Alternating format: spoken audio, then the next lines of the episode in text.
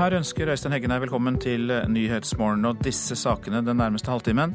Svært få søker støtte til å bytte ut fyrkjelen tre år før oppvarming med vanlig fyringsolje blir forbudt. Også Donald Trumps nye innreiseforbud kommer for retten. En føderal dommer i Hawaii har sagt ja til høring dagen før forbudet skal tre i kraft. Svensk idrettsleder vil ha norsk bruk av astmamedisin opp i Det internasjonale skiforbundet og Den olympiske komité. Og ungdommer i Bergen har funnet opp en metode for å avsløre om de har fått dop i drinken. Oljefyrkjeler og parafinovner skal bort, men utskiftningen går treigere enn myndighetene ønsker. I fjor støttet det statlige selskapet Enova utskiftningen til knapt 1200 slike anlegg. Men tre år før fossil oljefyring antagelig blir forbudt, så er rundt 150 000 fyrkjeler og parafinovner fortsatt i bruk. Ja, her er eh, fyrkjelen og fyrrommet. Arild Persson står i kjelleren i et fint, gammelt murhus på Bygdøy i Oslo. Det er bygd i 1905, og heller ikke fyrkjelen er av helt ny dato. Fyrkjelen er fra 1969. Selve brenneren har vi bytta ut for eh, tre-fire år siden. Fyrkjelen varmer opp fire leiligheter i et sameie, og er en av ganske mange oljefyrkjeler som fortsatt er i bruk i Norge. Om tre år er den forbudt å fyre i med vanlig olje, og den synger antagelig på siste verset. Den er kanskje moden for utskiftning snart, enten det er den ene eller andre årsaken til det. Men det går altså tregt å få folk til å finne alternativ, innrømmer markedssjef i Enova, Audhild Kvam. I forhold til det store antallet som vi antar er i bruk enda, så har vi jo et godt stykke igjen. En huseier kan få 30 000-40 000 kroner i støtte til å fjerne fyrkjelen og oljetanken og erstatte dem med fornybare alternativ. De kan til gjengjeld fort koste mellom 100 000 og 200 000 kroner i en enebolig. Klart det er en kostnad forbundet med det, og man må jo vurdere hva slags alternativ eh, man ønsker å ha, litt også opp imot hvor stort huset ditt er. da. På Bygdøy har Arne Øverbakken fra Elstad oljesenter parkert tankbilen på utsida av huset. Vi kan laste 18 000 liter, men nå har vi med 11 til sammen, da. Denne gangen fyller han 4700 liter. Tankbilen kommer tre-fire ganger i sesongen. Sånn økonomisk syns Persson det er litt for ofte. Men ingen vil fryse i huset, som er på til sammen 1000 kvadratmeter, og nå vurderer de alternativene. Jeg er ikke ekspert på det, men jeg vil jo kanskje tro at eh, boring etter jordvarme er det som er mest lønnsomt. Eh, etter hva jeg har hørt. Men det er mulig at eh, det er andre ting som er mer interessant nå. Hva syns du om at det blir forbudt å fyre med vanlig fyringsolje? Eh, miljømessig så er det helt sikkert på sin plass, det. Det er klart at det blir jo for alle de som har oljefyr, så blir det jo en betydelig kostnad. Jeg tenker at det er en veldig fin periode vi går inn i nå. Med vår og sommer, og det er en fin periode å gjøre dette arbeidet. Grave opp oljetanker og skifte ut oljefyren sin. Sånn at man har et godt og fornybart alternativ når vinteren setter inn igjen neste år. Reportasjen var laget av Kjartan eh, Røslett. Kristin Hildre Rørvik, velkommen hit. Tusen takk. Rådgiver i Naturvernforbundet som driver aksjonen Oljefri. Vi hørte at det blir et kostbart klimakutt for mange dette her, så hvorfor er det så viktig? For oss i Naturvernforbundet så er det selvfølgelig veldig viktig fordi man reduserer klimakutt Eh, gassutslippene kraftig. Eh, en bolig kan redusere klimagassutslippene tilsvarende et par bilers forbruk i året. I tillegg eh, så unngår man oljelekkasje ved å tømme og fjerne oljetank på en sikker måte. Og så mener vi også at det er bra for eieren fordi at de fleste oljefyrer per i dag er fra 60-70-tallet. Gamle, ineffektive, må uansett byttes ut. Og det finnes eh, andre alternativer som vil være mye billigere i bruk. Eh, I tillegg så unngår man jo oljelekkasje, som ofte rammer eieren sjøl. Ja, at de gamle ikke kan brukes, det forstår man jo. Men, men jeg tenker på et alternativ som eh, kanskje gjør det mulig å beholde anlegget. Altså biofyringsolje i oljefyren, og så beholder man anlegget, og så er man mer miljøvennlig. Ja, Som sagt så er mange av de oljefyrene som er ute par i dag, er veldig gamle og bør byttes ut uh, uansett. Uh, og i de tilfellene så uh, anbefaler vi heller å gå over på andre fornybare oppvarmingsløsninger, sånn varmepumper eh, og biokjel. Men det er klart, i de få tilfellene man har laga en hel Altså har en helt ny oljefyr og helt ny oljetank og nytt opplegg, så forstår vi at eh, noen vil eh, velge å gå over på biofyringsolje istedenfor. Men du eh, nevnte noe som kan være et alternativ for enkelte. Det å bore seg ned til jordvarme. Det høres jo bra ut, men det koster jo også en del. Ja. Det å bore ned til jordvarme det er en av de mer dyre alternativene. Men de fleste som har valgt det alternativet, er veldig fornøyd med det i bruk. Fordi varme fra jorda er mer stabilt, sånn at man har et eh, trygg, eh, tryggere anlegg og har et behagelig hus å leve i. Andre alternativer, da, hvis man syns det likevel er for dyrt? Ja, Hvis man eh, har et vannbårent system, så vil et rimeligere alternativ være f.eks. luft til vannvarmepumpe, eller man kan også finne sjø til varme. Det finnes biosjel.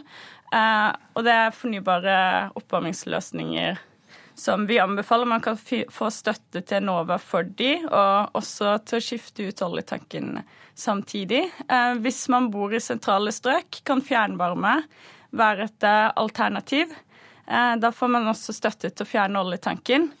Eller så vil et rimeligere alternativ være i installasjon eh, være å skifte til eh, elektrisk sjel, men da sparer man ikke så mye energi i bruk, og det er jo ikke bra verken for lommeboka eller miljøet. Hva skjer med de som ikke erstatter anleggene sine i tide, da? Ja, eh, da må man jo erstatte det i 2020. Og vi tror det er mye lurere å begynne å bytte ut olje, den fossile oljefyren nå, enn å vente til siste liten.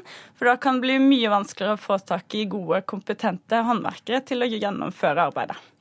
For det er nemlig 150 000 slike anlegg fortsatt der ute som er i bruk. Takk skal du ha, Kristin Hildre Rørvik, rådgiver i Naturvernforbundet, som driver aksjonen Oljefri. Nå skal også Donald Trumps eh, nye innreiseforbud for retten. En føderal dommer i Hawaii har sagt ja til rettslig høring om innreiseforbudet. Det skal skje på onsdag, dagen før ordningen skal tre i kraft. På mandag presenterte president Donald Trump sitt nye innreiseforbud til USA etter at en føderal domstol stoppet det forrige innreiseforbudet. Nå er det innbyggerne i seks, ikke lenger sju, hovedsakelig muslimske land som nektes innreise. Allerede neste dag sendte Hawaii inn en rettslig begjæring om overprøving av det nye innreiseforbudet, og i natt sa en føderal dommer ja til at de får legge frem saken for retten i Honolulu onsdag neste uke, dagen før forbudet skal tre i kraft. Hawaii mener forbudet går utover muslimer i delstaten samt skoler og arbeidsgivere. De krever derfor å få det stoppet. Hawaii var en av delstatene som også protesterte på det forrige innreiseforbudet. Det amerikanske justisdepartementet vil ikke kommentere den nye rettshøringen. Sa reporter Tonje Grimstad. Myndigheter og opprørere i Syria er invitert til å gjenoppta fredssamtaler i Genéve om to uker. Det opplyser FNs spesialutsending til Syria, Staffan de Mesura. Målet er å få slutt på den seks år lange krigen i landet. FNs sikkerhetsråd har en eh, klar plan for framdrift i Syria, med en ny grunnlov innen ett år og frie rettferdige valg under FN-oppsyn i løpet av 18 måneder. Så til det avisene skriver om i dag. Minst 470 000 biler kan ikke bruke bensinen Stortinget har vedtatt å innføre, skriver Aftenposten, Adresseavisen og Bergens Tidende. Biodrivstoffet kan skade biler som er produsert før 2002. I tillegg kan etanolen som skal blandes inn, også skade motorene i noen nyere modeller, viser en oversikt fra de europeiske bilprodusentenes forening. En opplevelse jeg ikke unner min verste fiende, sier bryteren Fritz Aanes om å stå foran CAS, som er den internasjonale voldgiftsretten for sport. VG har intervjuet ham og sprangrytteren Tonje André Hansen og kappgjengeren Erik Tysse, som før Therese Johaug var de eneste norske idrettsutøverne som har opplevd idrettens høyeste domstol i Lausanne i Sveits. I et nytt brev til Dagbladet advarer den russiske ambassaden Norge nok en gang mot å delta i Natos missilforsvar. I ytterste konsekvens kan det få katastrofale følger for sikkerheten både i Europa og i verden, skriver russerne i brevet. Homonettverket i Arbeiderpartiet sier nei til en allianse med Kristelig Folkeparti, kan vi lese i Klassekampen. De krever at KrF må skifte homopolitikk og erkjenne at dagens rettigheter står fast, før et samarbeid kan komme på tale. I Vårt Land minner Erna Solberg om at KrF er avhengig av et samarbeid med Fremskrittspartiet. Statsministeren sier et samarbeid med Frp er umulig å komme utenom dersom det skal etableres en sentrum-høyre-regjering. Og KrFs partileder Knut Arild Hareide selv går ut i Dagsavisen og ber Høyre ligge unna partiets hjertesaker, som er barnetrygd, kontantstøtte, eggdonasjon og pappaperm. Må krangle for å betale kontant, er oppslaget i Stavanger Aftenblad. Kirsten Torkelsen forteller avisa at hun måtte avlyse en mammografiundersøkelse da hun ville betale med kontanter. På sykehus og hos fastleger er ofte kort eneste mulige betalingsmåte, men det er ulovlig, fastslår Norges Bank.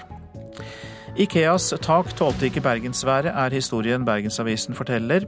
Et 22 000 kvadratmeter stort plantetak over Ikeas varehus i Åsane døde etter et halvt år. Etter flere kostbare forsøk er det lagt eh, nytt tak med nye planter, og om en måneds tid blir det spennende å se om det spirer og blir grønt og fint. Ja, det sier Ikeas vedlikeholdssjef Jonny Hegger Tveit. For tre uker siden kom rapporten om medisinbruk i norsk langrenn. Peter Reinebo i Den svenske olympiske komité har kritisert rapporten, så nå innkaller han Det internasjonale skiforbundet og Den internasjonale olympiske komité til et møte for å diskutere idrettens etiske framtid. Vi har en, en utvikling i, i toppidretten som eh, er medisinsk og etisk forsvarbar. Det er den norske astmadebatten som får lederen av den svenske olympiske komité, Peter Reinebo, til å handle. Derfor at vi, eh, vi vil føre fram vår syn på saken både medicinskt og etiskt og också også egentlig föra opp frågan om eh, det här er rett vei for, för idrotten å gå. Han har nå arrangert et møte med Den internasjonale olympiske komité og Det internasjonale skiforbundet FIS, som i løpet av våren vil samles for å diskutere det han omtaler som idrettens etiske fremtid. Behandling med astmamedisin har vært på bakgrunn av kliniske symptomer og den behandlingen har vært faglig forsvarlig. Det sa Katarina Riise da hun den 16. februar presenterte granskningsrapporten om medisinering i norsk langrenn. Reinebo har kritisert rapporten, og har overfor Dagbladet uttalt at den framstår som et bestillingsverk for Norges Skiforbund. Nå ønsker han seg et forbud mot å bevege seg i det han omtaler som en etisk gråsone når det kommer til medisinering innenfor idretten. Ja, jeg skulle velkomne at eh, grensen dras hitom eh, gråzonen, eller åtminstone midt i gråzonen. Vi, forbereder oss for å eh, kunne agere även internationellt. Vi skulle gjerne se at eh, både FIS og IOK vender på de stenene og forhåpentligvis tar et steg i den riktningen. Og reporter var Marte Nyløkken Helseth. Klokka har passert 6.46. Eh, Dette er hovedsaker. Svensk politi har i hele natt jaktet på gjerningspersoner etter at to menn ble skutt i hodet i går kveld. De to ble funnet i en bil i bydelen Kista nordvest i Stockholm, og er nå i morgentimene bekreftet døde. Svært få søker støtte til å bytte ut fyrkjelen, har vi hørt. Tre år før oppvarming med vanlig fyringsolje blir forbudt. 150 000 fyrkjeler og parafinovner er fortsatt i bruk. Nå skal også Donald Trumps nye innreiseforbud for retten. En føderal dommer i Hawaii har sagt ja til rettslig høring om innreiseforbudet. Det skal skje på onsdag, dagen før eh, ordningen skal tre i kraft. Politiet flere steder i landet advarer mot glatte veier i morgentimene. På Østlandet har det kommet en del snø i løpet av natten, og trafikanter oppfordres til å avpasse farten etter forholdene. Ungdommer i Bergen har funnet opp en metode for å avsløre om man har fått dop i drinken. Jevnlig hører man historier om unge jenter som har blitt dopet ned på byen. Nå kan en ny oppfinnelse av videregående-elever påvise om drinken inneholder det narkotiske stoffet GHB. Det klarte jo ikke bære henne, måtte jo ha hjelp av eh, folk jeg egentlig ikke kjente til å kunne bære henne hjem og inn i en bil og kjøre henne rett hjem. Synnøve Funes har sett på nært hold hvor farlig GHB kan være. På en fest opplevde hun at noen puttet GHB i drinken til en venninne. Det var en skremmende opplevelse. Altså, Du blir veldig redd, egentlig. Vi sitter rett ved siden av og drikker akkurat det samme. som kunne vært meg. Så det er veldig ekkelt. Denne opplevelsen ga Synnøve Funes og medelev Marte Leganger ideen til bedriften BeSafe. Ved en kjemisk test kan det lett oppdages om en drink inneholder dop. Dette bør flere få sjansen til å teste, mener elevene. Vi hadde jo veldig mange ulike ideer og begynte å på en måte sortere hva som kunne være det beste. Og vi kom vel på at dette var kanskje noe vi manglet i samfunnet. Sammen med fire medelever har jentene tilbrakt flere lange dager på Bergen private gymnas det siste skoleåret.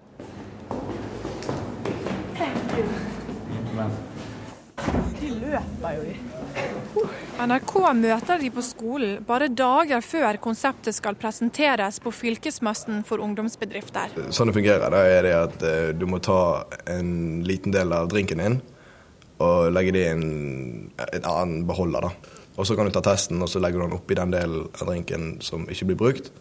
Og om det er GHB eller GBL i drinken, så kommer han til å skifte farge. Det sier andreklassing og daglig leder i selskapet, Bjørn Paulsen.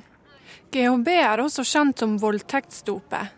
Første halvår av 2016 beslagla politiet 227 liter GHB. Mengden har ligget jevnt på dette nivået de siste fem årene. Kjemiker og førsteamanuensis ved Høgskolen på Vestlandet, Jarle Disen, har vært med å veilede elevene ved Bergen privatgymnas. Han sier noe av det verste med GHB er at det ikke finnes noen motgift. Hvor mye vil det virke på en person? Det avhenger av kroppsmasse og personen. Det er veldig mange faktorer involvert der. Men av og til så trenger du et selvforsvarsvåpen.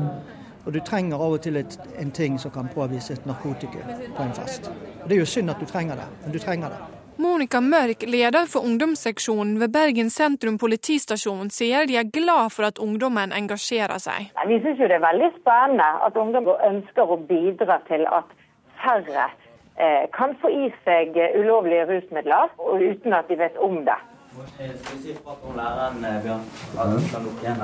Elevene håper oppfinnelsen kan gjøre at jevnaldrende føler seg tryggere på fest i fremtiden.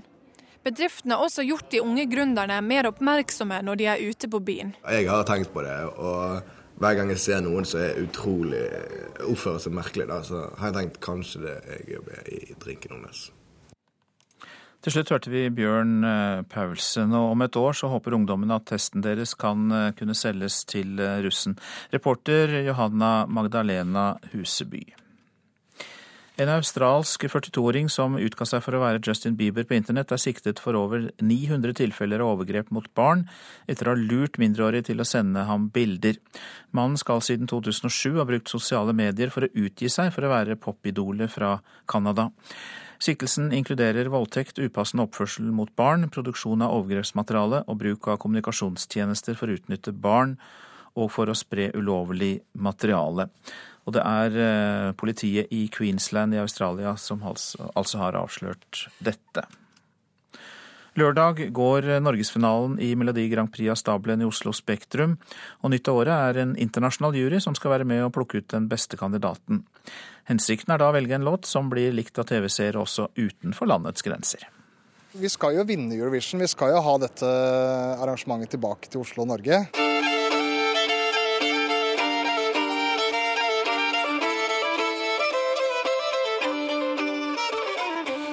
Begynner å bli noen år siden Alexander Rybak vant den internasjonale Melodi Grand Prix-finalen med låta om jenta som han var så forelska i. Faktisk er det åtte år siden Norge sist vant Eurovision, og det vil denne mannen gjøre noe med. Jeg heter Stig Karlsen, prosjektleder for Melodi Grand Prix. Og prosjektlederen han tar nå nye grep for å kunne ta en Rybak igjen. For i år så er det nemlig sånn at en jury fra ti forskjellige land skal ha akkurat like masse å si som den gjengse nordmannen under den norske finalen førstkommende lørdag. Helt til vi kommer til gullfinalen, hvor det kun er nordmenns SMS-stemmer som teller. Det er veldig gøy at, å høre hva Europa mener om våre ting, og da få litt hjelp av de, i tillegg til norske SMS-stemmer. Det betyr at det er bransjefolk fra Armenia, Finland, Irland, Israel, Malta, Storbritannia, Sverige, Tyskland, Ungarn og Østerrike. Som skal hjelpe oss med å finne de fire beste artistene. Anders Tangen han blogger om Eurovision og skal selvsagt sitte i salen på lørdag.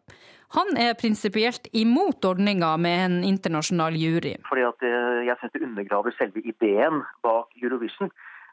Jeg syns Eurovision er på sitt beste når hvert land sender det som representerer smaken i det landet mest mulig.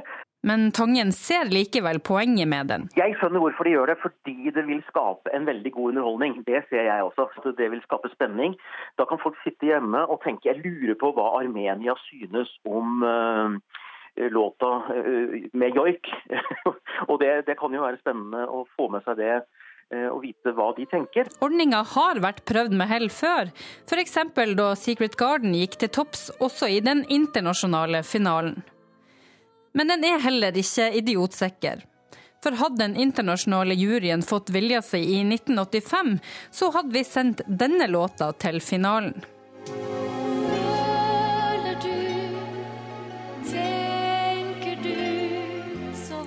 Og ikke til forkleinelse for Anita Skorgan, men du husker kanskje vinnerlåta bedre?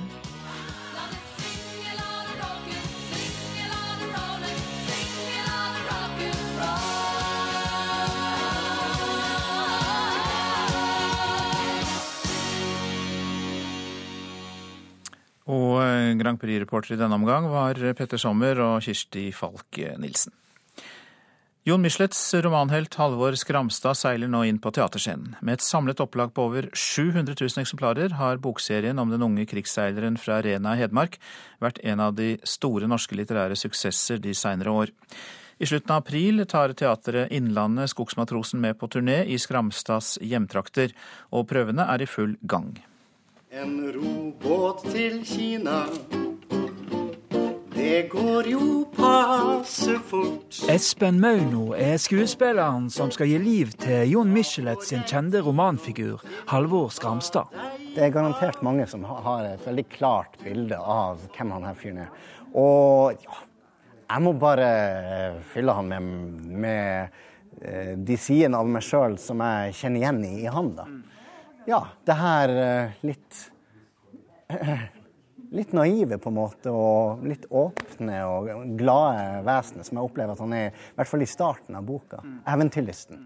Her er det en som har skrevet om sin uh, farfar, som var krigsseiler. For historia om den unge krigsseileren fra Rena har tilsynelatende rørt et helt folk. Hjemme på Larkollen får Jon Michelet nesten daglig brev eller e-post fra leserne sine. Den enorme responsen nå er eh, Den er ganske unik. Eh, eh, det tror jeg ikke det er mange forfattere i hele verden som opplever, faktisk. Til nå er det solgt over 700 000 bøker om Halvor Skramstad.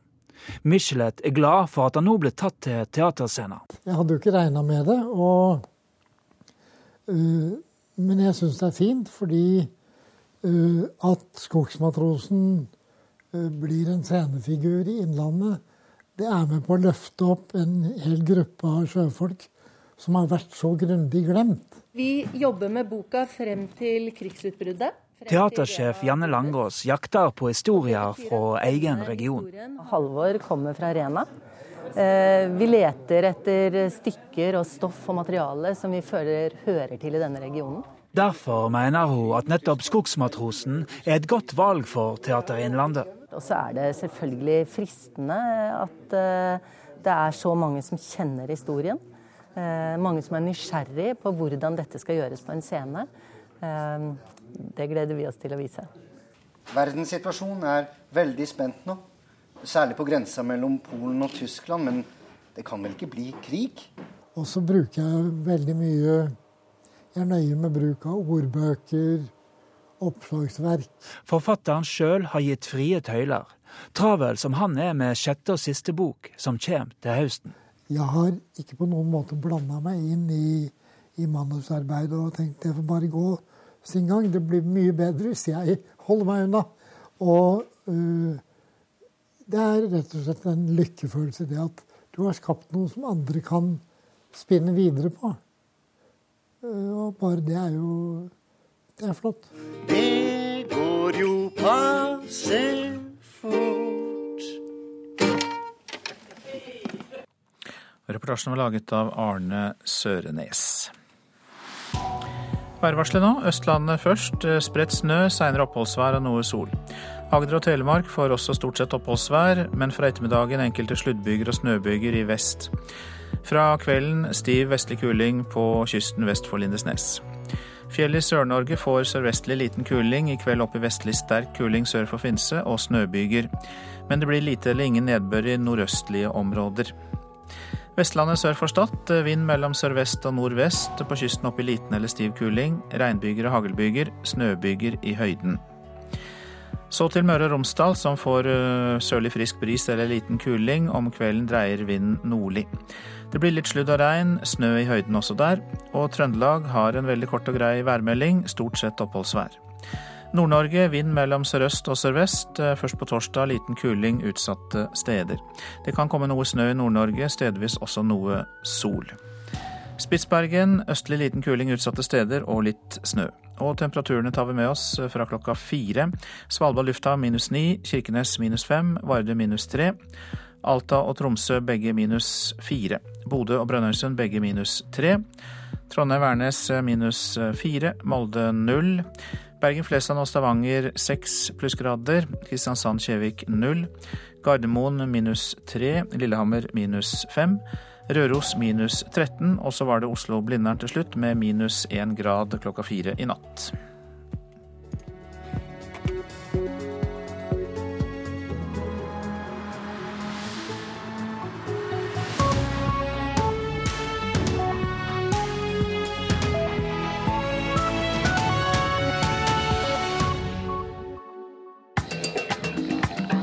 20 år har Jungeltelegrafen kjempet for musikken fra hele verden. Og mot begrepet verdensmusikk. Verdensmusikk er et samlebegrep for all musikk som er framført av to personer som i utgangspunktet ikke er i stand til å forstå hverandre, eller sitt eget publikum.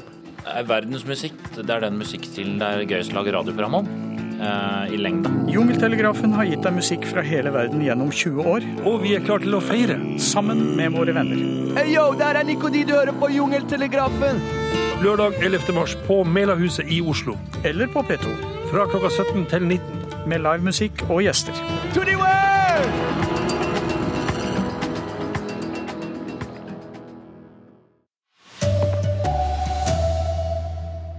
Rekordmåling for Senterpartiet og rød-grønt flertall i Stortinget. Svært få søker støtte til å bytte ut fyrkjølen tre år før oppvarming med vanlig fyringsolje blir forbudt. Her er NRK Dagsnytt klokka sju. Senterpartiet når altså en ny topp på NRKs meningsmåling for mars, med en oppslutning på 10,9% Det er en framgang på 2,3 prosentpoeng i forhold til februar. Senterpartiets parlamentariske leder Marit Arnstad mener framgangen skyldes regjeringens politikk. Nei, Jeg tror det det er et resultat av Høyre og FrPs sentralisering og vår stødige kamp imot den sentraliseringa. Enten det gjelder politireformen, eller det gjelder lokalsykehusene, eller det gjelder nedbygging av Forsvaret i Nord-Norge og Heimevernet. Og hele målingen den finner du på nrk.no. De to mennene som ble skutt i hodet i Sverige i går kveld, er nå i morgentimene bekreftet døde. De to ble funnet i en bil i Kista nordvest i Stockholm.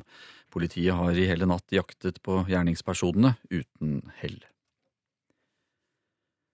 Oljefyrkjeler og parafinovner skal bort, men utskiftingen går tregere enn myndighetene ønsker. Kristin Hildre Rørvik, rådgiver i Naturvernforbundet, som driver aksjonen Oljefri, sier utskiftingen kan bli kostbar, men at det er verdt det. For oss i Naturvernforbundet så er det selvfølgelig veldig viktig fordi man reduserer klimagassutslippene kraftig. En bolig kan redusere klimagassutslippene tilsvarende et par bilers forbruk i året. I tillegg så unngår man oljelekkasje ved å tømme og fjerne oljetank på en sikker måte.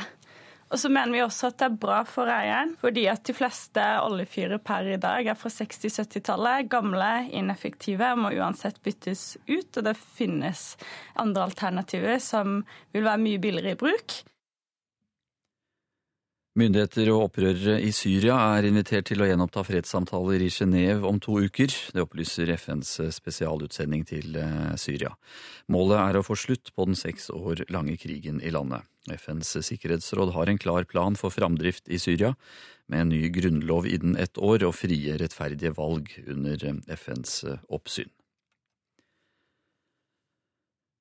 Flere kommuner har innført forbud mot salg av øl fra nettbutikk, men eh, møter motstand. Dagens regler er uklare og tar ikke høyde for at folk bestiller dagligvarer, og dermed også øl, via internett og får dem levert på døra. Ifølge Vårt Land har helseministeren eh, nå bedt eh, Helsedirektoratet om å se på regelverket. NRK Dagsnytt, Anders Borgen Werring. Her i Nyhetsmorgen skal vi kommentere både rekordoppslutningen for Senterpartiet som vi hørte om i Dagsnytt, og det dilemmaet Høyre har med formuesskatten på landsmøtet som åpner i dag. Mange EU-land ønsker å gjenvelge Donald Tusk som unionens president, men hjemlandet Polen, der ønsker mange å kaste ham. Tusenvis av kvinner gikk ut i gatene i USA på kvinnedagen. Det er uvanlig, men det var motstanden mot Donald Trump som mobiliserte. Og vi skal høre om fakkeltog mot planene om Norges største ungdomsskole. Senterpartiet går altså mot en ny topp på NRKs meningsmåling for mars. Oppslutningen er på 10,9% Målingen eh, er utført av Norstat, eh, viser også rød-grønt flertall på Stortinget. Senterpartiets parlamentariske leder hørte vi så vidt i Dagsnytt, Marit Arnstad. Nå skal vi høre mer. Hun sier framgangen skyldes regjeringens politikk. Jeg tror det at det er et resultat av Høyre og FrPs eh, sentralisering. Eh, og vår stødige kamp imot den sentraliseringa. Arnstad lister opp politireformen, lokalsykehus, nedbygging av Forsvaret i Nord-Norge og Heimevernet. Det er saker som folk har merka seg, og der de ser at vi er et klart alternativ og en motpol til Høyre og Frp sin politikk. Så Senterpartiet vokser på regjeringens politikk, det er det du sier? Altså Senterpartiet vokser fordi vi blir opplevd som garantisten imot sentralisering. Senterpartiet får altså en oppslutning på 10,9% en fremgang på 2,3 prosentpoeng fra februar. Målingen viser rød-grønt flertall i Stortinget. Og Da er det flertall for en annen regjering. Eh, og Det tar Arbeiderpartiet som et signal om at folk ønsker en annen politikk enn den regjeringen fører. Sier Jonas Gahr Støre, som er leder for Arbeiderpartiet. Men det er altså Senterpartiet som vokser, og utgjør en større andel av det rød-grønne flertallet enn før og de stjeler flere velgere fra Arbeiderpartiet enn fra Høyre og Frp. Det bekymrer tilsynelatende ikke Støre. Det bekymrer meg ikke at denne regjeringen mister flertallet sitt, det er det viktigste. Vi har samarbeidet med Senterpartiet før, funnet gode løsninger. Dette er også et utgangspunkt for Arbeiderpartiet som er godt seks måneder før et valg. For det åpner da mulighetsrommet til å føre en bedre politikk, bruke pengene annerledes. Regjeringspartiene og de to samarbeidspartiene KrF og Venstre mister altså sitt flertall i Stortinget. Venstre blir målt til under sperregrensen. Høyre, som starter sitt landsmøte i dag, får en oppslutning på 22,4% Det er tilbake 2,2 i forhold til februar, altså innenfor feilmarginen. Høyre ligger likevel godt an, mener parlamentarisk leder Trond Helleland. Det er jevnt mellom blokkene, så jeg mener at eh, regjeringen og Høyre har et fantastisk godt utgangspunkt foran valgkampen det nå har starta på. At de mister flertallet i Stortinget, vipper han heller ikke av pinnen. Nei, altså Det er veldig små marginer. Venstre ligger veldig nær sperregrensa. Det kan tippe over i vår retning. Eh, vi har fortsatt mye å gå på. Vi skal ha et landsmøte nå der jeg er sikker på at vi skal mobilisere våre velgere skikkelig. Så jeg er veldig optimistisk. Høyres Trond Helleland, og hele målingen finner du på nrk.no. Reportere Katrin Hellesnes og David Krekling. Og politisk kommentator i NRK, Magnus eh, Takvam. Eh, jeg har lyst til å spørre deg aller først om eh, det Senterpartiets Marit Arnstad sier. Hun sier de gjør det så bra pga. regjeringens politikk, men det må jo være andre grunner til Senterpartiets vekst på målingene også? Ja, så Det er klart det er eh, den aller viktigste grunnen til at de går fram på denne målingen og alle andre målinger eh, den siste tiden, er at Senterpartiet er eh, motpolen til regjeringen i veldig mange saker.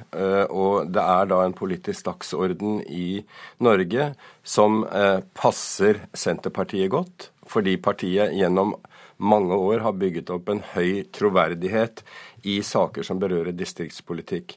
Eh, valgundersøkelser viser at eh, de siste eh, valgene er mellom 35 og 45% av velgerne sier at det er Senterpartiet, altså av alle velgere, som har den beste distriktspolitikken. Hadde temaet i Norge nå vært eh, f.eks. en krisepreget arbeidsledighetssituasjon, så ville det naturlige vært at Arbeiderpartiet ble motpolen og antagelig hadde ligget noe høyere enn tilfellet er i øyeblikket. Så det er eh, dagsorden som den viktigste forklaringen på, på dette. Mm.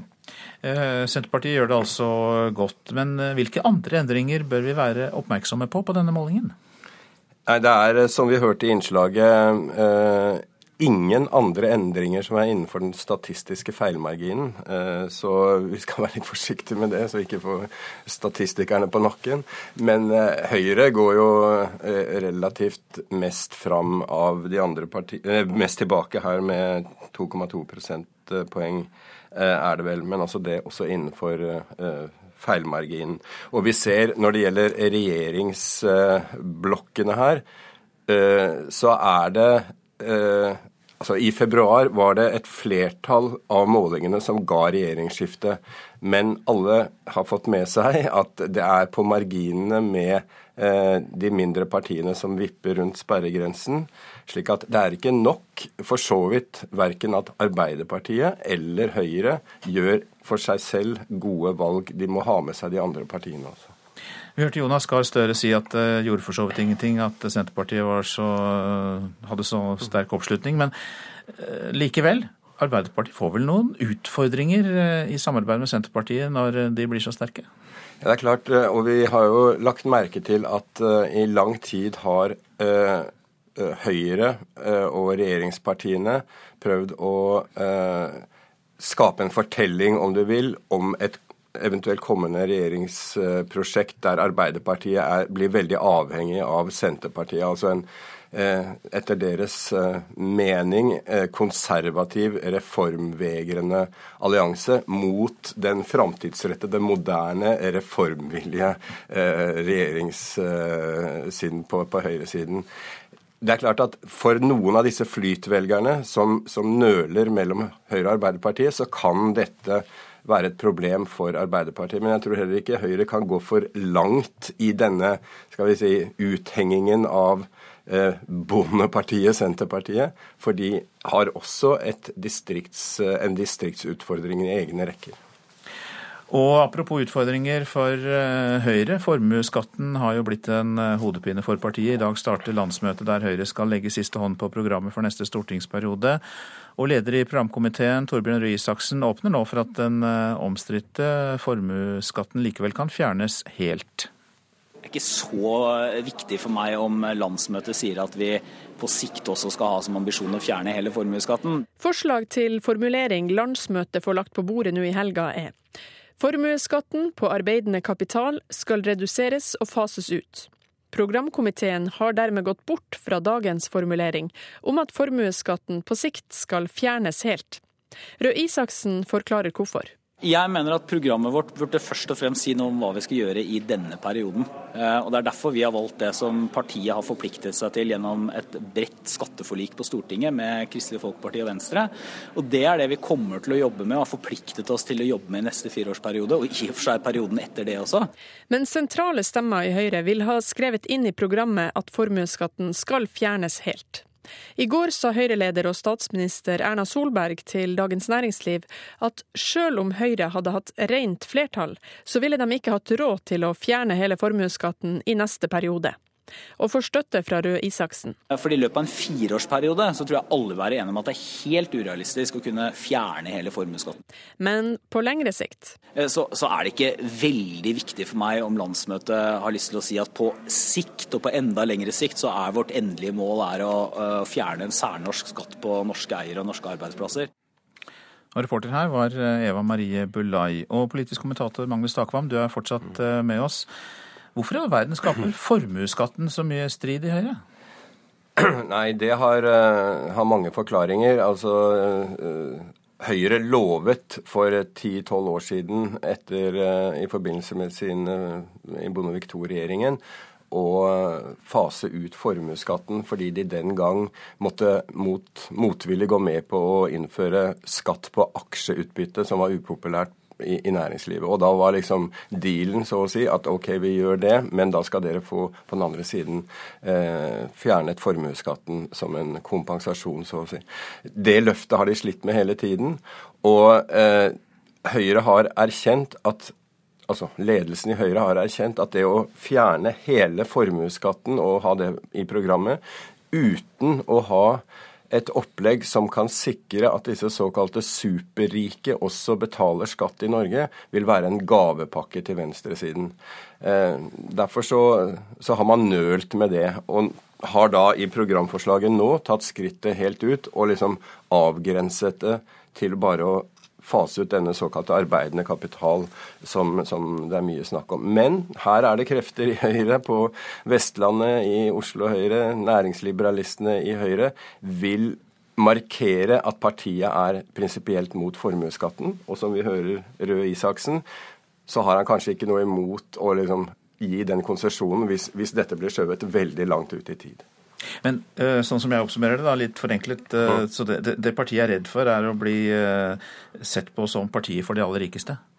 Ja, altså Det er årsaken mm. til at man ikke uten videre bare sier eh, at mm. man vil fjerne hele formuesskatten. Selvfølgelig minst like viktig som vi hørte her også, er at det for de aller fleste vil virke urealistisk å greie å gjennomføre det samtidig med at man har fallende oljeinntekter, Eh, svære vyer om økte forsvarsutgifter i langtidsplanen, en nasjonal transportplan som skal koste 1000 milliarder kroner, en eldrebølge osv. Hvis du setter deg ned og regner de tingene, så, så vil det ikke være så lurt å, å foreslå å fjerne formuesskatten på, et par år. Nei. Eh, og så er det dette med stortingsvalget til høsten og hvordan en ny regjering skal se ut. Det blir vel eh, et annet veldig, veldig viktig tema på Høyres landsmøte nå? Altså jeg tror Eh, selve landsmøtet vil være altså, pre, ha en positiv aura rundt seg. De er fornøyd med sin egen statsminister, ikke minst, Erna Solberg. Og det er ingen farlige konflikter, for å si det slik, internt i Høyre. De interessante debattene på, på mm, landsmøtet er om eh, familiepolitikk. Altså det, noen som vil ha, da fjerne barnetrygden og veksle den inn i gratis barnehage. Det er veldig eh, oppe i dagen i dette offentlige utvalget som vi fikk for et par dager siden f.eks. Det er skattespørsmålet som vi har vært inne på. Forsvar. Det er veldig mange forsvarsvenner i Høyre som vil eh, øke eh, innsatsen der. Og verdispørsmål omkring eggdonasjon osv. vil være saker som, som det er stort engasjement om og uenighet om i Høyre. Vi har satt det på dagsorden, og vi fortsetter fordi Politisk kvarter sendes i dag fra Høyres landsmøtehotell. Statsminister Erna Solberg er gjest klokka kvart på åtte i Politisk kvarter. Og partiledertalen den kan du høre direkte på Alltid nyheter eh, seinere i dag. Så her er det bare å følge med. Dette er Nyhetsmorgen, og klokka den går mot 7.16, og vi har disse hovedsakene. Vi har hørt at Senterpartiet når en ny topp på NRKs meningsmåling for mars, med oppslutning på 10,9% Målingene utført av Norstat viser også rød-grønt flertall på Stortinget. Nå skal også Donald Trumps nye innreiseforbud for retten. En føderal dommer i Hawaii har sagt ja til rettslig høring om innreiseforbudet. Svensk politi har i hele natt jaktet på gjerningspersoner etter at to menn ble skutt og drept i går kveld. De ble funnet i en bil i bydelen Kista nordvest i Stockholm. Mange EU-land ønsker å gjenvelge Donald Tusk, Tusk som unionens president, men hjemlandet Polen ønsker Der ønsker mange å kaste ham.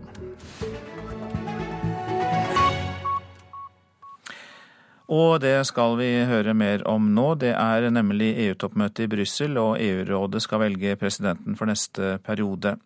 Og den tidligere statsministeren Donald Tusk, som har sittet 20, siden 2014, kan bli gjenvalgt. Men så er det slik at regjeringen i hans eget land, Polen, ønsker at han nå går av. Og Philip Lote, NRKs Brussel-korrespondent, fortell oss mer om hva konflikten går ut på. Den helt spesielle situasjonen som EU er i nå, er at de kan komme til å velge en eh, president for EU-rådet som hans eget hjemland da ikke stiller seg bak. Og det er kanskje ikke sånn dypt historisk, dette er, for det er ikke blitt valgt så veldig mange rådspresidenter opp igjennom. Eh, Tusk er bare nummer to.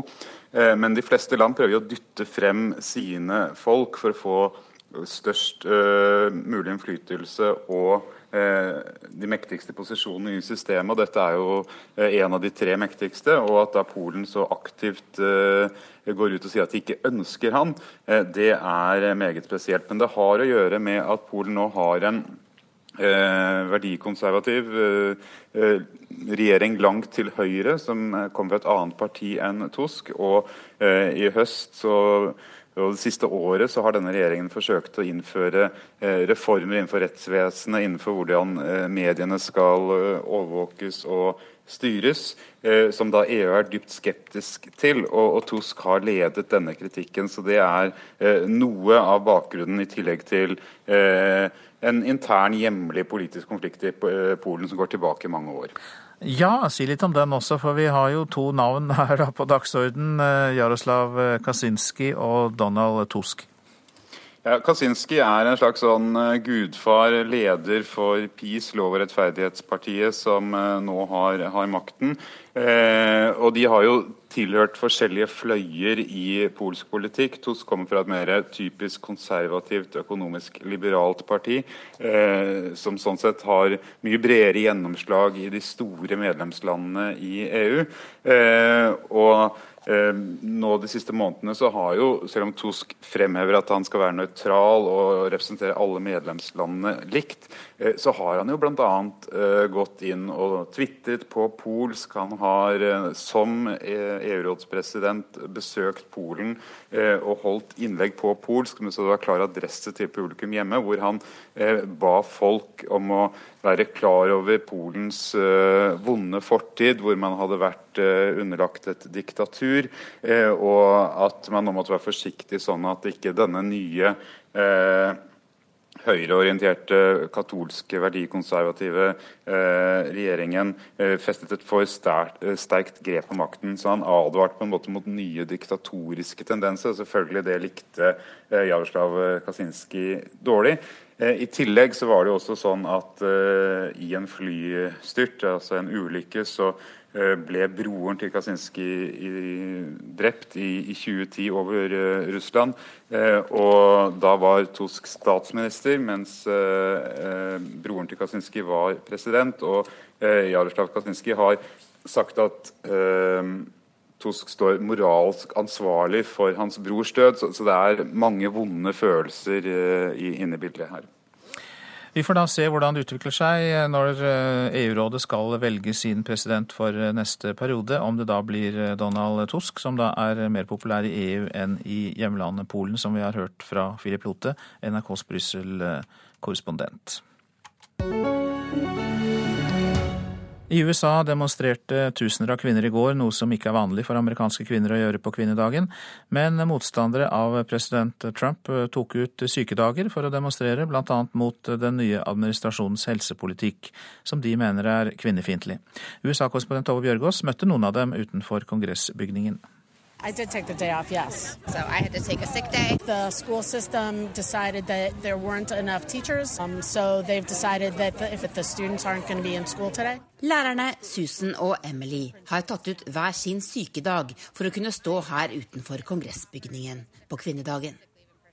Samtidig har elevene deres fått fri for det var for mange kvinnelige lærere i en av nabokommunene til Washington DC som varslet at de ikke ville komme på jobb i går. Noen hundre kvinner har samlet seg her for å møte minoritetsleder i Representantenes hus Nancy Pelosi og andre kvinnelige demokratiske politikere. Susan og Emily demonstrerer ikke minst for kvinners helse i USA. Tidligere i uka la republikanerne fram et alternativ til president Obamas helsereform. De og president Trump truer med å fjerne statsstøtten til organisasjonen Planned Parenthood, som utfører nesten halvparten av alle aborter i USA. I believe in American democracy, and I also believe it's under direct threat right now. You take the day off work? Yes, I close my business. Jeg har stengt kontoret mitt i dag, forteller Karen Taylor Soils, som er fysioterapeut. Slik ser en feminist ut, roper hun og kvinnene som står rundt henne. Real, Jeg håper dette kaoset vi lever i nå, kan skape en virkelig feministbevegelse her i landet, sier Soils. What's everybody? It's the women's, International, Women's Day. En mann med tre små barn kommer forbi og spør hva det er som foregår. Has something changed? That's why you guys are out here? Um, our president has. Oh, so I heard he was going to fund Planned Parenthood if they got rid of abortion.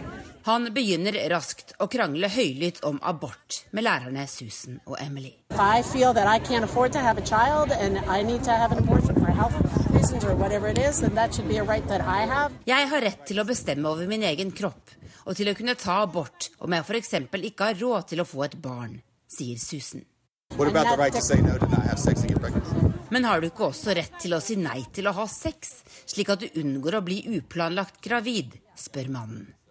Han vil ikke si hva han heter, men synes slett ikke president Trump har gjort noe for å svekke kvinners rettigheter. I absolutely do not think he's trying to undermine rights whatsoever. I have not seen one piece of legislation. I have not seen anything come across. Mens kvinnene demonstrerer, sitter politikerne inne i kongressbygningen og diskuterer forslaget som skal erstatte president Obamas helsereform. USAs største legeforening og en stor organisasjon av helseforetak sier begge at republikanernes forslag vil føre til at millioner av mennesker ikke lenger vil ha råd til å være helseforsikret, fordi det blir dyrere å kjøpe forsikringer når subsidiene i Obamas reform fjernes. De to organisasjonene er redde for at dette vil ramme både vanlige folk og helseindustrien her i USA. Og det sa korrespondent i USA, Tove Bjørgaas. Så til eh, avisene. Minst 470 000 biler kan ikke bruke bensinen Stortinget har vedtatt å innføre, skriver Aftenposten, Adresseavisen og Bergens Tidende. Biodrivstoffet kan skade biler som er produsert før 2002. I tillegg kan etanolen som skal blandes inn, også skade motorene i nyere modeller. Noen nyere modeller viser en oversikt fra de europeiske bilprodusentenes forening. En opplevelse jeg ikke unner min verste fiende, sier bryteren Fritz Aanes om å stå foran CAS, den internasjonale voldgiftsretten for sport. VG har intervjuet ham, sprangrytteren Tony André Hansen og kappgjengeren Erik Tysse, som før Therese Johaug er de eneste norske idrettsutøverne som har opplevd idrettens høyeste domstol. I et nytt brev til Dagbladet advarer den russiske ambassaden Norge nok en gang mot å delta i Natos missilforsvar. I ytterste konsekvens kan det få katastrofale følger for sikkerheten både i Europa og verden, skriver russerne. Homonettverket i Arbeiderpartiet sier nei til en allianse med Kristelig Folkeparti, kan vi lese i Klassekampen. De krever at KrF må skifte homopolitikk og erkjenne at dagens rettigheter står fast, før et samarbeid kan komme på tale. I Vårt Land minner Erna Solberg om at KrF er avhengig av et samarbeid med Fremskrittspartiet. Statsministeren sier et samarbeid med Frp er umulig å komme utenom dersom det skal etableres en sentrum-høyre-regjering. Og KrFs partileder Knut Arild Hareide selv går ut i Dagsavisen og ber Høyre ligge unna partiets hjertesaker, som er barnetrygd, kontantstøtte, eggdonasjon og pappaperm. Nå om et eh, fakkeltog mot det som kan bli Norges største ungdomsskole. Elever og foreldre i Rana i Nordland samles i dag til protest mot planene om å bygge en ny gigantskole som skal erstatte fire mindre skoler. Elevrådet ved Båsmo ungdomsskole fordeler rodene seg imellom. De skal i gang med en dør-til-dør-aksjon for å samle underskrifter mot en ny stor ungdomsskole i Rana. Elias Håberg, du er elevrådsleder på Båsmoen. Hva er det dere holder på med nå? Eh, akkurat nå så skal vi fordele inn eh, områder vi skal gå. For vi har en underskriftkampanje mot eh, store skoler i byen. Hvorfor har dere det? Nei, for vi, vi vil jo at eh, den skolen som er bygd på Ytteren, skal bli Selfors, Ytteren og Båsmo si ungdomsskole. For det slipper vi å ha så mange elever inne i byen. 900 elever, det er veldig mange. Det blir i så fall Norges største ungdomsskole. Administrasjonen i Rana har lagt fram et forslag om å samle fire ungdomsskoler i kommunen og lage ei skole med 900 elever fordelt på to skolebygg i sentrum. Og Båsmø-elevene får støtte fra de som går på Mo ungdomsskole. Line Ellingsen og Vegard Alterås har engasjert seg i et innbyggerinitiativ for å stoppe planene om ei stor skole. Vi er skremt over at det går an å finne en sånn løsning på en økonomisk utfordring som vi har i Rana. Vi skjønner at vi har en utfordring, men å samle eh, 900 ungdommer fra 13 til 16 år på én skole Vi får fra eh, opptil tolv paralleller eh, på denne skolen. Det vil si klasse A til L. Det som er vesentlig når vi bygger skole, det er trygghet, det er trivsel. Eh, og eh, hvis vi skal klare å få ungene til å lære, eller ungdommen til å lære, så er vi nødt til å ha trygge miljø. Relasjonene mellom skole, foreldre, heim, foreldrene imellom. Dette blir uoversiktlig, det blir stort, og vi tror ikke det er noen god løsning for Rana. Men en årelang skoledebatt går nå mot slutten. De viktigste argumentene for den nye gigantskolen er mindre penger på bygg og mer penger til pedagogisk innhold. Ordfører i Rana, Geir Våge, setter pris på at folk engasjerer seg, men ser nå fram til å komme i mål med en årelang debatt om skolestrukturen i kommunen. Det jeg har oppfordra alle partiene til eh, som ordfører, det er at man setter seg ned og finner ut hvordan man kan lage en best mulig skolestruktur med en breiest mulig tilslutning innenfor de økonomiske rammer vi har. Så, eh, så, det er flott med engasjement, og jeg skjønner engasjementet og har full forståelse for det. Men nå skal også de politiske partiene prøve å finne en breiest mulig løsning på hvordan vi kan skape en best mulig skole for ungene i tida framover. 28.3 skal kommunestyret avgjøre om det blir ny gigantskole eller ikke. Og i kveld arrangerer motstanderne fakkeltog i Mo i Rana. Så vidt vi vet, så er det i hvert fall 350 som har sagt ja på Facebook til å være med. Eh, og vi tror at vi kan gange den med gang det tallet med mye, da. Så vi, vi, har ikke lyst til å si noe tall, men vi håper jo, ønsker og tror at vi fyller rådhusplassen til Rand. Og reporter var Lars Petter Kalkenberg. Produsent for Nyhetsmorgen, Ingvild Ryssdal. Her i studio, Øystein Heggen. Sør-Sudans avsatte visepresident går arbeidsløs rundt i Pretoria i Sør-Afrika. Hør mer om hans skjebne i reportasjen etter Dagsnytt. I Politisk kvarter er statsminister Erna Solberg gjest, for vi skal nemlig til Høyres landsmøte som åpner i dag. Politisk kvarter altså, når klokka er kvart på åtte.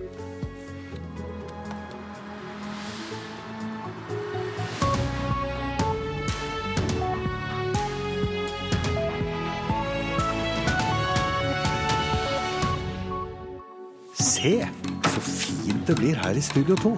Neste uke starter Studio 2. Ja, så mye plass. Kanskje vi kan få inn et strykeorkester? Nei, det tror jeg ikke, men et par musikere, det får vi plass til. Og en statsråd, og en filmstjerne, og en trendforsker. Men, men, kan vi snakke om fotball? Selvsagt. Dette er jo Studio 2.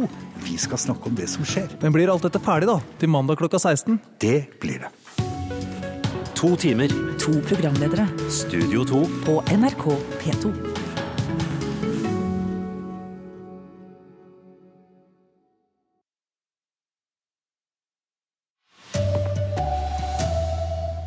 Senterpartiet bykser fram på ny meningsmåling, har nå en oppslutning på over 10% Politiet i Sverige jakter på gjerningsmenn etter dobbeltdrap i Stockholm. Og snart blir det forbudt med vanlig fyringsolje, men svært få søker om støtte til å bytte ut fyrkjelen. Her er NRK Dagsnytt, klokka er 7.30. Senterpartiet får altså en ny topp på NRKs meningsmåling for mars, med en oppslutning på 10,9% Partiet gir Høyre og Frp mye æren for eh, framgangen. Dette er Marit Arnstad, parlamentarisk leder i Senterpartiet. Hun ler ikke like høyt som partileder Trygve Slagsvold Vedum pleier å gjøre. Men smilet er på plass når hun studerer målingen Norstat har utført for NRK. Senterpartiet får altså en oppslutning på 10,9% en fremgang på 2,3 prosentpoeng fra februar. Jeg tror det at det er et resultat av Høyre og FrPs eh, sentralisering. Eh, og vår stødige kamp imot den sentraliseringa. Arnstad lister opp politireformen, lokalsykehus, nedbygging av Forsvaret i Nord-Norge og Heimevernet. Det er saker som folk har merka seg og der de ser at vi er et klart alternativ og en motpol til Høyre og Frp sin politikk. Senterpartiet stjeler velgere fra både Frp og Høyre, men aller flest fra Arbeiderpartiet. Det bekymrer tilsynelatende ikke partileder Jonas Gahr Støre. Det bekymrer meg ikke at denne regjeringen mister flertallet sitt, det er det viktigste. Vi har samarbeidet med Senterpartiet før, funnet gode løsninger. Dette er også et utgangspunkt for Arbeiderpartiet som er godt seks måneder før et valg. Rød-grønt flertall til tross. Parlamentarisk leder i Høyre, Trond Helleland, mener de har et godt utgangspunkt før valgkampen. Det er veldig små marginer. Vi har fortsatt mye å gå på. Vi skal ha et landsmøte nå der jeg er sikker på at vi skal mobilisere våre velgere skikkelig. Så jeg er veldig optimistisk. Og hele målingen den finner du på nrk.no. Reportere her, det var Katrin Hellesnes og David eh, Krekling. Og så har du kommet til studio, Magnus Takvam, politisk kommentator her i NRK. Regjeringens politikk fører til framgang for Senterpartiet, sies det her. Er det eneste grunn til at eh, partiet gjør det så bra? Det er nok en veldig viktig grunn. Eh, det er en lang rekke saker som går inn i det man kaller sentrum-periferi-konflikten i Norge. Og den er eh, historisk sterk, og der har Senterpartiet gjennom mange år bygd opp en veldig høy troverdighet. Slik at når Senterpartiet blir den naturlige motpolen til eh, regjeringen i veldig mange saker, og dette temaet kommer høyt opp, så går mange velgere da til eh, Senterpartiet, som ellers eh, hadde støttet andre partier. Så det er nok eh, en hovedforklaring i øyeblikket, rett og slett. Og så starter landsmøtet til Høyre i ettermiddag. Hvordan vil det rød-grønne flertallet i målingen prege stemningen der? Nei, altså det har jo vært eh, riktignok da relativt knapt flertall for et regjeringsskifte også i gjennomsnittet av februarmålingene. Eh, men alle vet at eh, veldig mye henger på de mindre partiene, sperregrensen og slike ting. Eh, sånn at Høyre isolert sett, statsministerpartiet, har det godt med seg selv og gjør det relativt bra. Men det er klart, de bruker Senterpartiets framgang til å tegne et bilde av Arbeiderpartiets regjeringsprosjekt som et konservativt, reformnektende prosjekt. Det har vi alle lagt merke til. Takk til eh, Magnus Takvam. Formuesskatten den fører til hodebry for Høyre, og det blir det nok snakket om på landsmøtet som starter i dag. I forslag til nytt partiprogram går partiet bort fra dagens formulering om å fjerne formuesskatten. Dette kan bety het debatt på Høyres landsmøte, sier leder av programkomiteen Torbjørn Røe Isaksen. Vi ønsker å redusere skattene på arbeidsplasser og enkeltpersoner. Eh, og så er det vel egentlig en diskusjon om sånn, om noen år, i fremtiden, hvor store ambisjoner skal vi ha. Eh, for i løpet av en fireårsperiode så tror jeg alle vil være enige om at det er helt urealistisk å kunne fjerne hele formuesskatten i løpet av en fireårsperiode. Det går eh, tregt å bytte ut oljefyrkjeler og parafinovner i Norge, slik myndighetene vil. Tre år før fossil oljefyring antagelig blir forbudt, er rundt 150 000 fyrkjeler og parafinovner fortsatt i bruk. Ja, her er eh, fyrkjelen og fyrrommet. Arild Persson står i kjelleren i et fint, gammelt murhus på Bygdøy i Oslo. Fyrkjelen er fra 1969. Fyrkjelen varmer opp fire leiligheter i et sameie, og er en av ganske mange oljefyrkjeler som fortsatt er i bruk i Norge. Om tre år er den forbudt å fyre i med vanlig olje, og den synger antagelig på siste verset. Den er kanskje moden for utskiftning snart, enten det er den ene eller andre årsaken til det. Men det går altså tregt å få folk til å finne alternativ, innrømmer markedssjef i Enova, Audhild Kvam. I forhold til det store antallet som vi antar er i bruk enda, så har vi jo et godt stykke igjen. En huseier kan få 30 000-40 000 kroner i støtte til å fjerne fyrkjelen og oljetanken og erstatte dem med fornybare alternativ. De kan til gjengjeld fort koste mellom 100 000 og 200 000 kroner i en enebolig.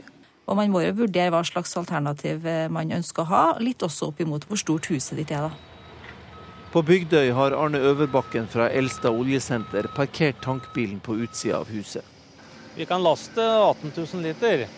Denne gangen fyller han 4700 liter. Tankbilen kommer tre-fire ganger i sesongen. Sånn økonomisk syns Persson det er litt for ofte, og nå vurderer de alternativene. Jeg er ikke ekspert på det, men jeg vil jo kanskje tro at eh, boring etter jordvarme er det som er mest lønnsomt. Reporter Kjartan Røslett. I Sverige pågår en storstilt jakt på gjerningspersonene etter at to menn ble skutt i Stockholm i går kveld. To personer ble funnet livløse i en bil, men døde senere. Dermed har vi endret eh, brottsrubriceringen til mord i dette fallet. Det sier pressetalskvinne Karina Skagerlin i Stockholm-politiet til Sveriges Radio. Eksakt hvordan de fantes vil jeg ikke gå inn i så her tidlig, ettersom vi fortsatt prater med vitner, og vi vil høre deres bilde av det som har hendt. Folk som bor i Kista nordvest i Stockholm, sier til avisa Aftonbladet at kriminaliteten har blitt verre i området de seneste åra. Kriminalitet og vold i samfunnet er også det som uroer svenskene mest. Det viser ei undersøking som er gjort på oppdrag for Sveriges Radio. Målinga viser også at over 50% av de spurte er mer urolige for framtida i dag enn for ett år siden, sier lektor Maria Solevid ved Göteborgs universitet. Og even om vi ikke kan være helt sikre, så ligger det enda nære til hans å tro at det som ändå rapporteres mye om i media eh, så klart også då färgar av seg på hva folk svarer på en sånn her fråga om hva de er urolige for. Reporter Bjørn Atle Gildestad. Ungdommer i Bergen har funnet opp en metode for å avsløre om man har fått dop i drinken. Nå kan en ny oppfinnelse påvise om drinken inneholder GHB. Det klarte jo ikke å bære henne, måtte jo ha hjelp av eh, folk jeg egentlig ikke kjente til å kunne bære henne hjem og inn i en bil og kjøre henne. Synnøve Funes har sett på nært hold hvor farlig GHB kan være. På en fest opplevde hun at noen puttet GHB i drinken til en venninne. Altså, Du blir jo veldig redd, egentlig. Det kunne jo vært meg. Denne opplevelsen ga Synnøve Funes og medelev Marte Leganger ideen til bedriften BeSafe. Ved en kjemisk test kan det lett oppdages om en drink inneholder dop. Sånn det fungerer, da er det at eh, du må ta en liten del av drinken din og legge det i en, en annen beholder. da. Og Så kan du ta testen og så legger du den oppi den delen av drinken som ikke blir brukt. Og om det er GHB eller GBL i drinken, så kommer den til å skifte farge. Det sier andreklassing og daglig leder i selskapet, Bjørn Paulsen. GHB er også kjent som voldtektsdopet. Første halvår av 2016 beslagla politiet 227 liter GHB. Kjemiker og førsteamanuensis ved Høgskolen på Vestlandet, Jarle Disen, har vært med å veilede elevene ved Bergen privatgymnas. Av og til så trenger du et selvforsvarsvåpen. Og du trenger av og til et, en ting som kan påvise et narkotikum på en fest. Og Det er jo synd at du trenger det, men du trenger det. Reporter Johanna Magdalena Huseby. Så fotball, for Barcelona sto for tidenes snuoperasjon da de slo Paris Saint-Germain 6-1 i Mesterligaens åttedelsfinale i går kveld. Slik hørtes det ut da Barcelona gjorde det ingen trodde var mulig. De hadde snudd Mesterligaens åttedelsfinale mot Paris Saint-Germain. Det hele virket som en umulig oppgave da de tapte hele 4-0 i den første kampen. Men da Sergi Roberto satte inn 6-1-målet fem minutter på overtid og sørget for at Barca vant 6-5 sammenlagt, var mesterligabragden et faktum. Barcelona-trener Luis Enrique, som har annonsert at han gir seg etter sesongen, sier tiden imellom de to kampene har vært tøff. Først måtte vi komme over sorgen fra sist kamp. Det har vært hardt, spesielt for meg. Denne seieren dedikerer vi spesielt til alle Barca-fans som fortsatt har troen på laget. Men vi viste også at vi vet hvordan det er å tape, spesielt jeg. Reporter Ida Moseng. Ansvarlig for Dagsnytt i dag, Elin Pettersen. Jeg heter Anders Borgen Werring.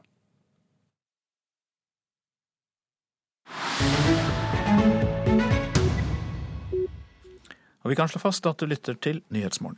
Sør-Sudans avsatte visepresident Rik Mashar får ikke komme tilbake til hjemlandet. Det har regjeringen bestemt. De vil nemlig ha ro.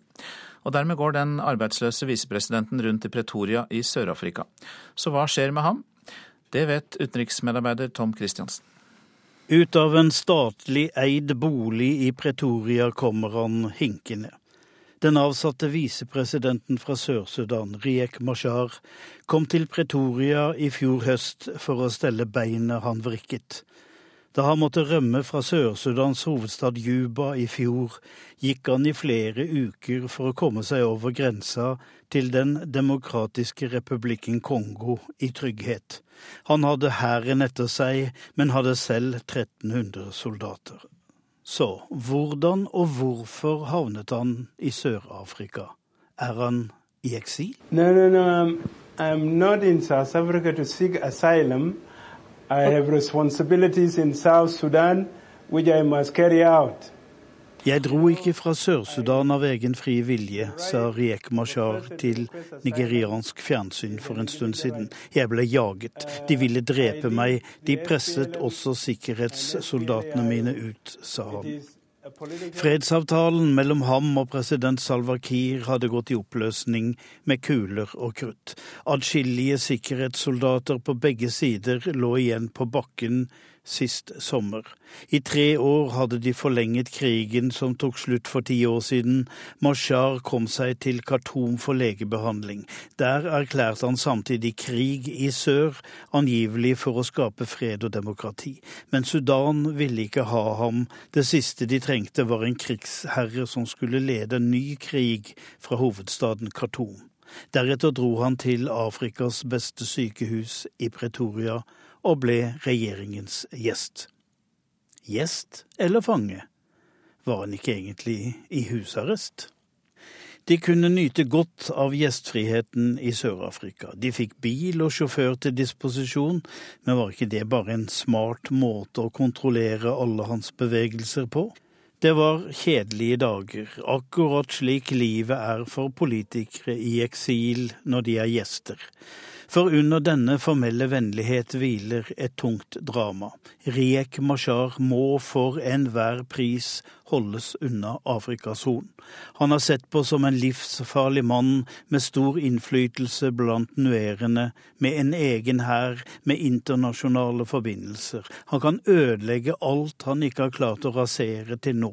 Han er medansvarlig for tre års borgerkrig, for en millionstor flyktningstrøm, for livet til titusener av landsmenn, Alt ut fra en personlig konflikt mellom to menn med ruvende selvbilder, egeninteresser og etnisk hat. Dinkaen Salvakir er like steil. I tillegg har FN slått alarm, det er hungersnød i flere provinser i Sør-Sudan. Men Riek Mashar har en plan. Hans telefon blir avlyttet. Derfor vet vi hva han planlegger. En bred allianse mellom opposisjonsgrupper mot den stadig mer autoritære president Salva Kiir. Slik skal han skape fred uten våpen. The country should not spend the, the meager resources on buying arms, on Men er han troverdig? Få har mer blod på hendene i Sør-Sudan enn Riek Mashar, og ingen har flere våpen. Dette er hovedsaker i Nyhetsmorgen. Svært få søker støtte til å bytte ut fyrkjelen. Tre år før fyring med vanlig fyringsolje blir forbudt, er 150 000 fyrkjeler og parafinovner fortsatt i bruk. Senterpartiet når en ny topp på NRKs meningsmåling for mars med en oppslutning på 10,9% Målingen som er utført av Norstat viser også rød-grønt flertall på Stortinget.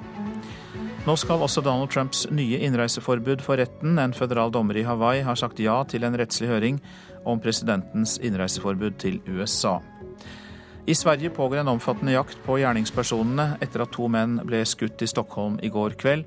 De to ble funnet livløse i en bil i bydelen Kista i Stockholm. Politisk kvarter kommer i dag fra Gardermoen med Bjørn Myklebust som programleder.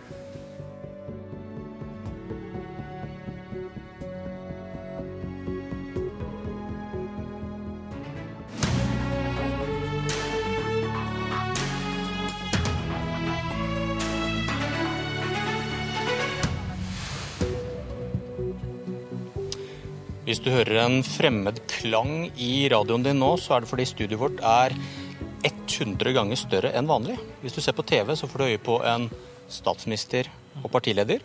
Høyre og Politisk kvarter har våget seg så vidt ut av Ring 3 til en landsmøtesal på Gardermoen. Og takk for at vi får komme på besøk, og god morgen. Erna Solberg. Ja, hyggelig å ha dere her.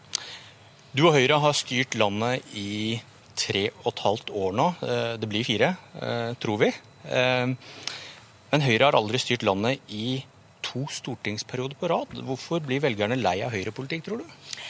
Ja, Det er jo ikke sånn at Høyre blitt lei, eller at folk er blitt lei av uh, høyrepolitikk hver gang, men vi har hatt noen utfordringer med å gi regjeringskonstellasjoner i noen runder.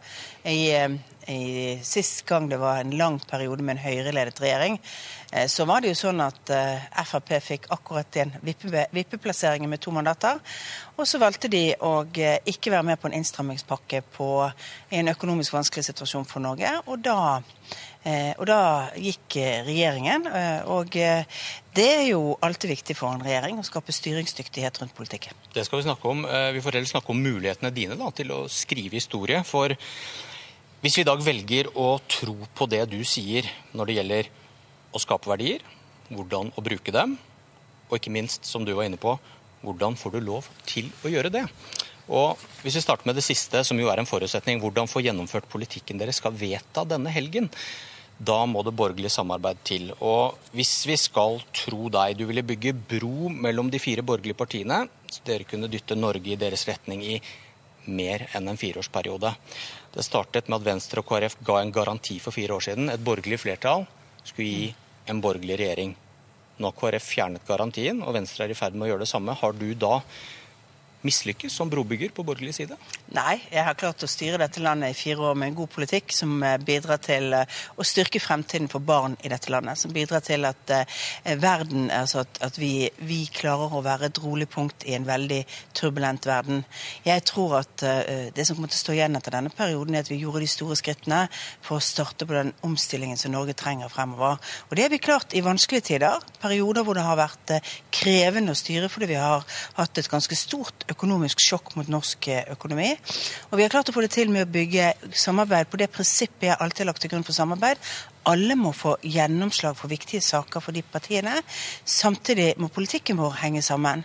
Og vi har klart å sørge for at alle får gjennomslag. Hvis du spør de partiene som sitter i regjering, og de som har støttet regjeringen i de fleste sakene på Stortinget, så sier de i denne perioden har de fått gjennomslag for mange viktige saker. Men hvis du husker hvor spørsmålet startet, og hvis vi skal ta deg på alvor, du ville bygge en bro mellom de fire borgerlige partiene som varer mer enn én en periode. Og Står dere nærmere eller lenger fra hverandre enn da du startet?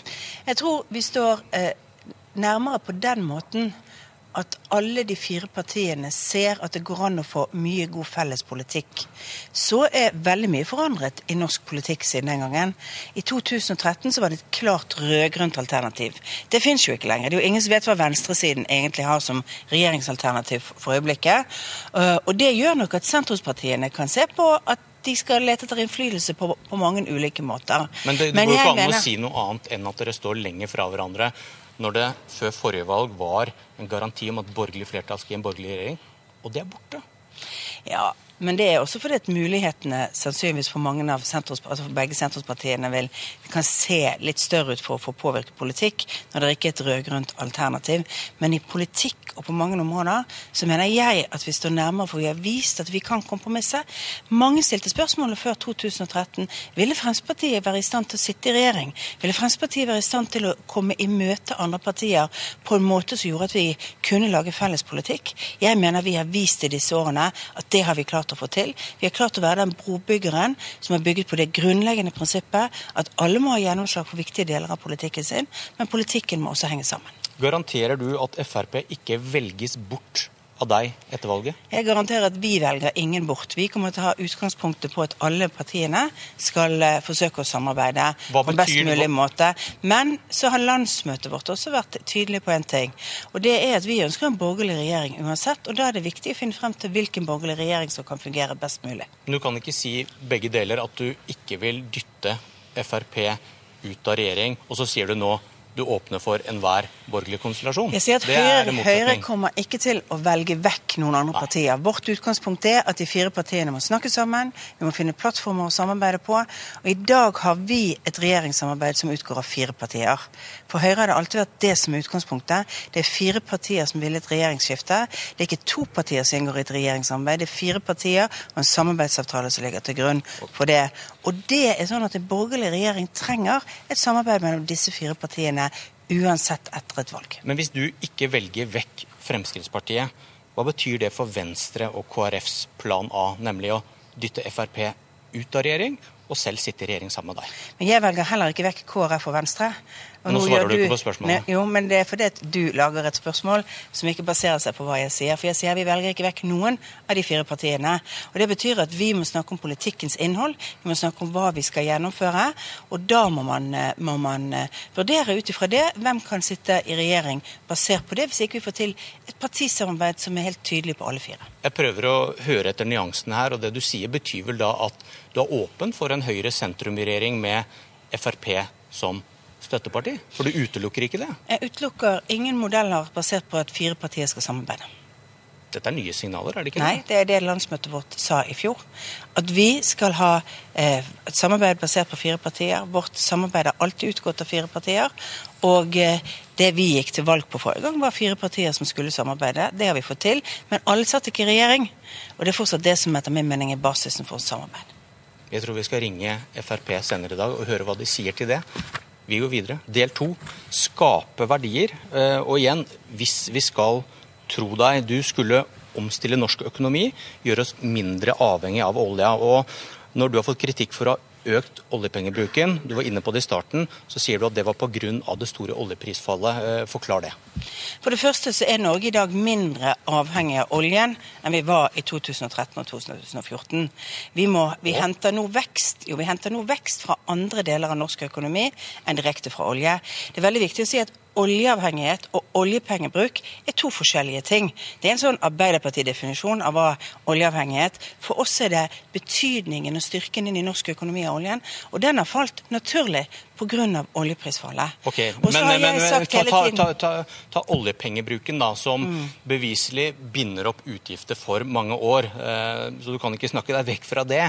Eh, forklar hvorfor det var nødvendig, som du sier, at vi bruker mer oljepenger fordi vi fikk et oljeprisfall. Hva er logikken? Fordi at det er en del av det handlingsreglene. Det er det fornuftig økonomisk politikk er. Det er det som vi alltid har gjort i Norge. Får du sjokk i økonomien, får du økende ledighet, så bruker du mer penger. Før vi hadde oljepenger, og jeg sitter på Stortinget i en tid vi ikke hadde oljepengene på den måten, ja, da lånte vi penger i utlandet for å klare oss gjennom vanskelige økonomiske tider. Da gikk vi i underskudd på budsjettene fordi vi var opptatt av at du skulle ikke sørge for at enda flere ble arbeidsledige ved å kutte i offentlige budsjetter, fordi det gikk vanskeligere i norsk økonomi.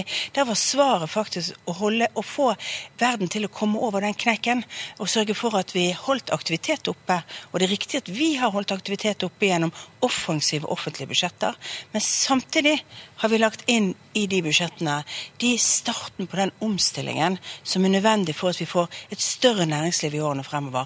Flere jobber som ungdom kan søke på. Flere jobber som eldre som ønsker å bli stående i arbeidslivet, kan gå inn i. Og Det skyldes jo det at vi gjorde det vi burde gjort også i forrige periode, nemlig satse på innovasjon, på, på tiltak innenfor forskning som er næringsrettede. Mens det sto stille i forrige periode, har vi økt det med over 3 milliarder. Vi har fremmet eh, skattelettelser som er vekstfremmende. Både reduksjon av selskapsskatten og formuesskatten. Mindre byråkrati for bedriftene. Alt dette bidrar til å gjøre Norge mer robust og skape mer utvikling fremover. Men prisfallet kom våren 2014. Oljeprisfallet. Men dere økte oljepengebruken for 2013-budsjettet og med flere milliarder da dere ble enige om 2014-budsjettet. Hvordan forklarer du at dere økte oljepengebruken før oljeprisfallet, som har vært forklaringen din på hvorfor det var nødvendig å gasse på?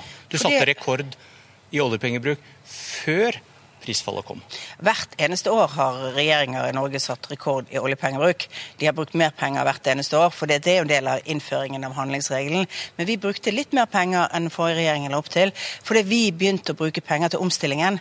For vi visste at Norge måtte bli mer konkurransedyktig. Derfor begynte vi med å senke skattene i Norge.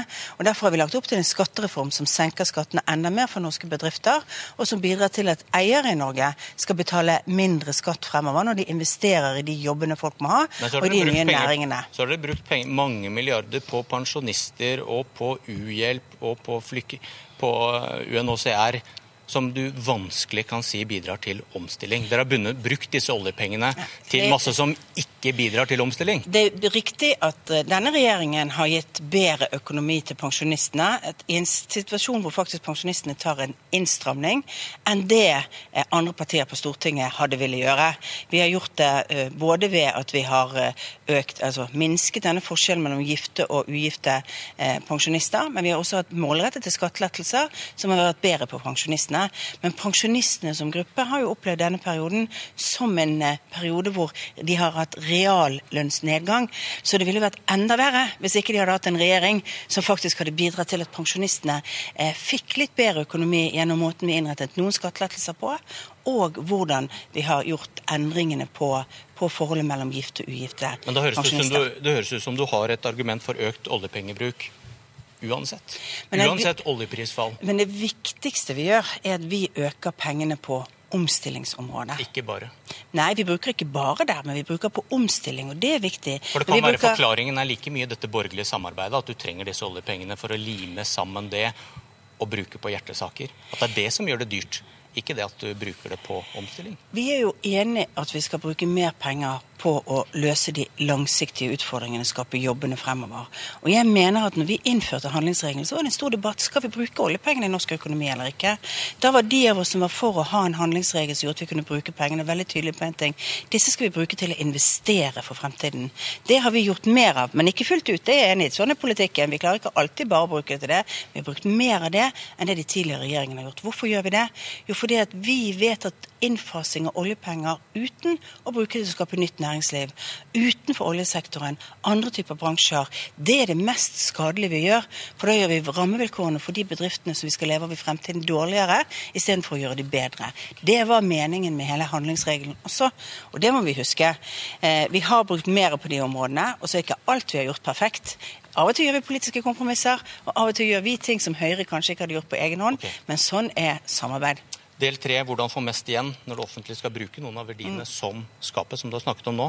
Og hvis vi skal tro deg, en av reformene dere mente er viktig, er kommunereformen. Få bedre tjenester ved å få større kommuner.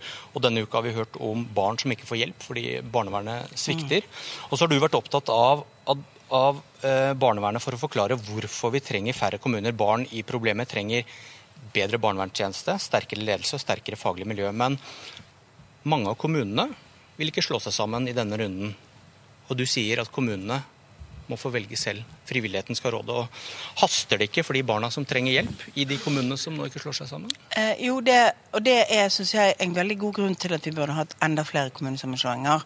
Men, men, du vil ikke hjelpe disse men, barna nå? Eh, men det betyr at vi er nødt til å se på hvordan vi, hvordan vi skal sørge for å stille så klare krav. Og vi kommer med en barnehagereform som stiller krav til hvordan man skal jobbe i kommunene, som skal stille krav til kompetanse og kunnskap. Men du, og som du, jobber snakker, med om, du snakker om kommunestruktur som forklaring på at man ikke får en god nok barnevernstjeneste. Nå snakker du om noe annet. Så hvorfor vil ikke du gjøre noe med kommunestrukturen for disse barna, da, som du selv sier ikke får hjelp?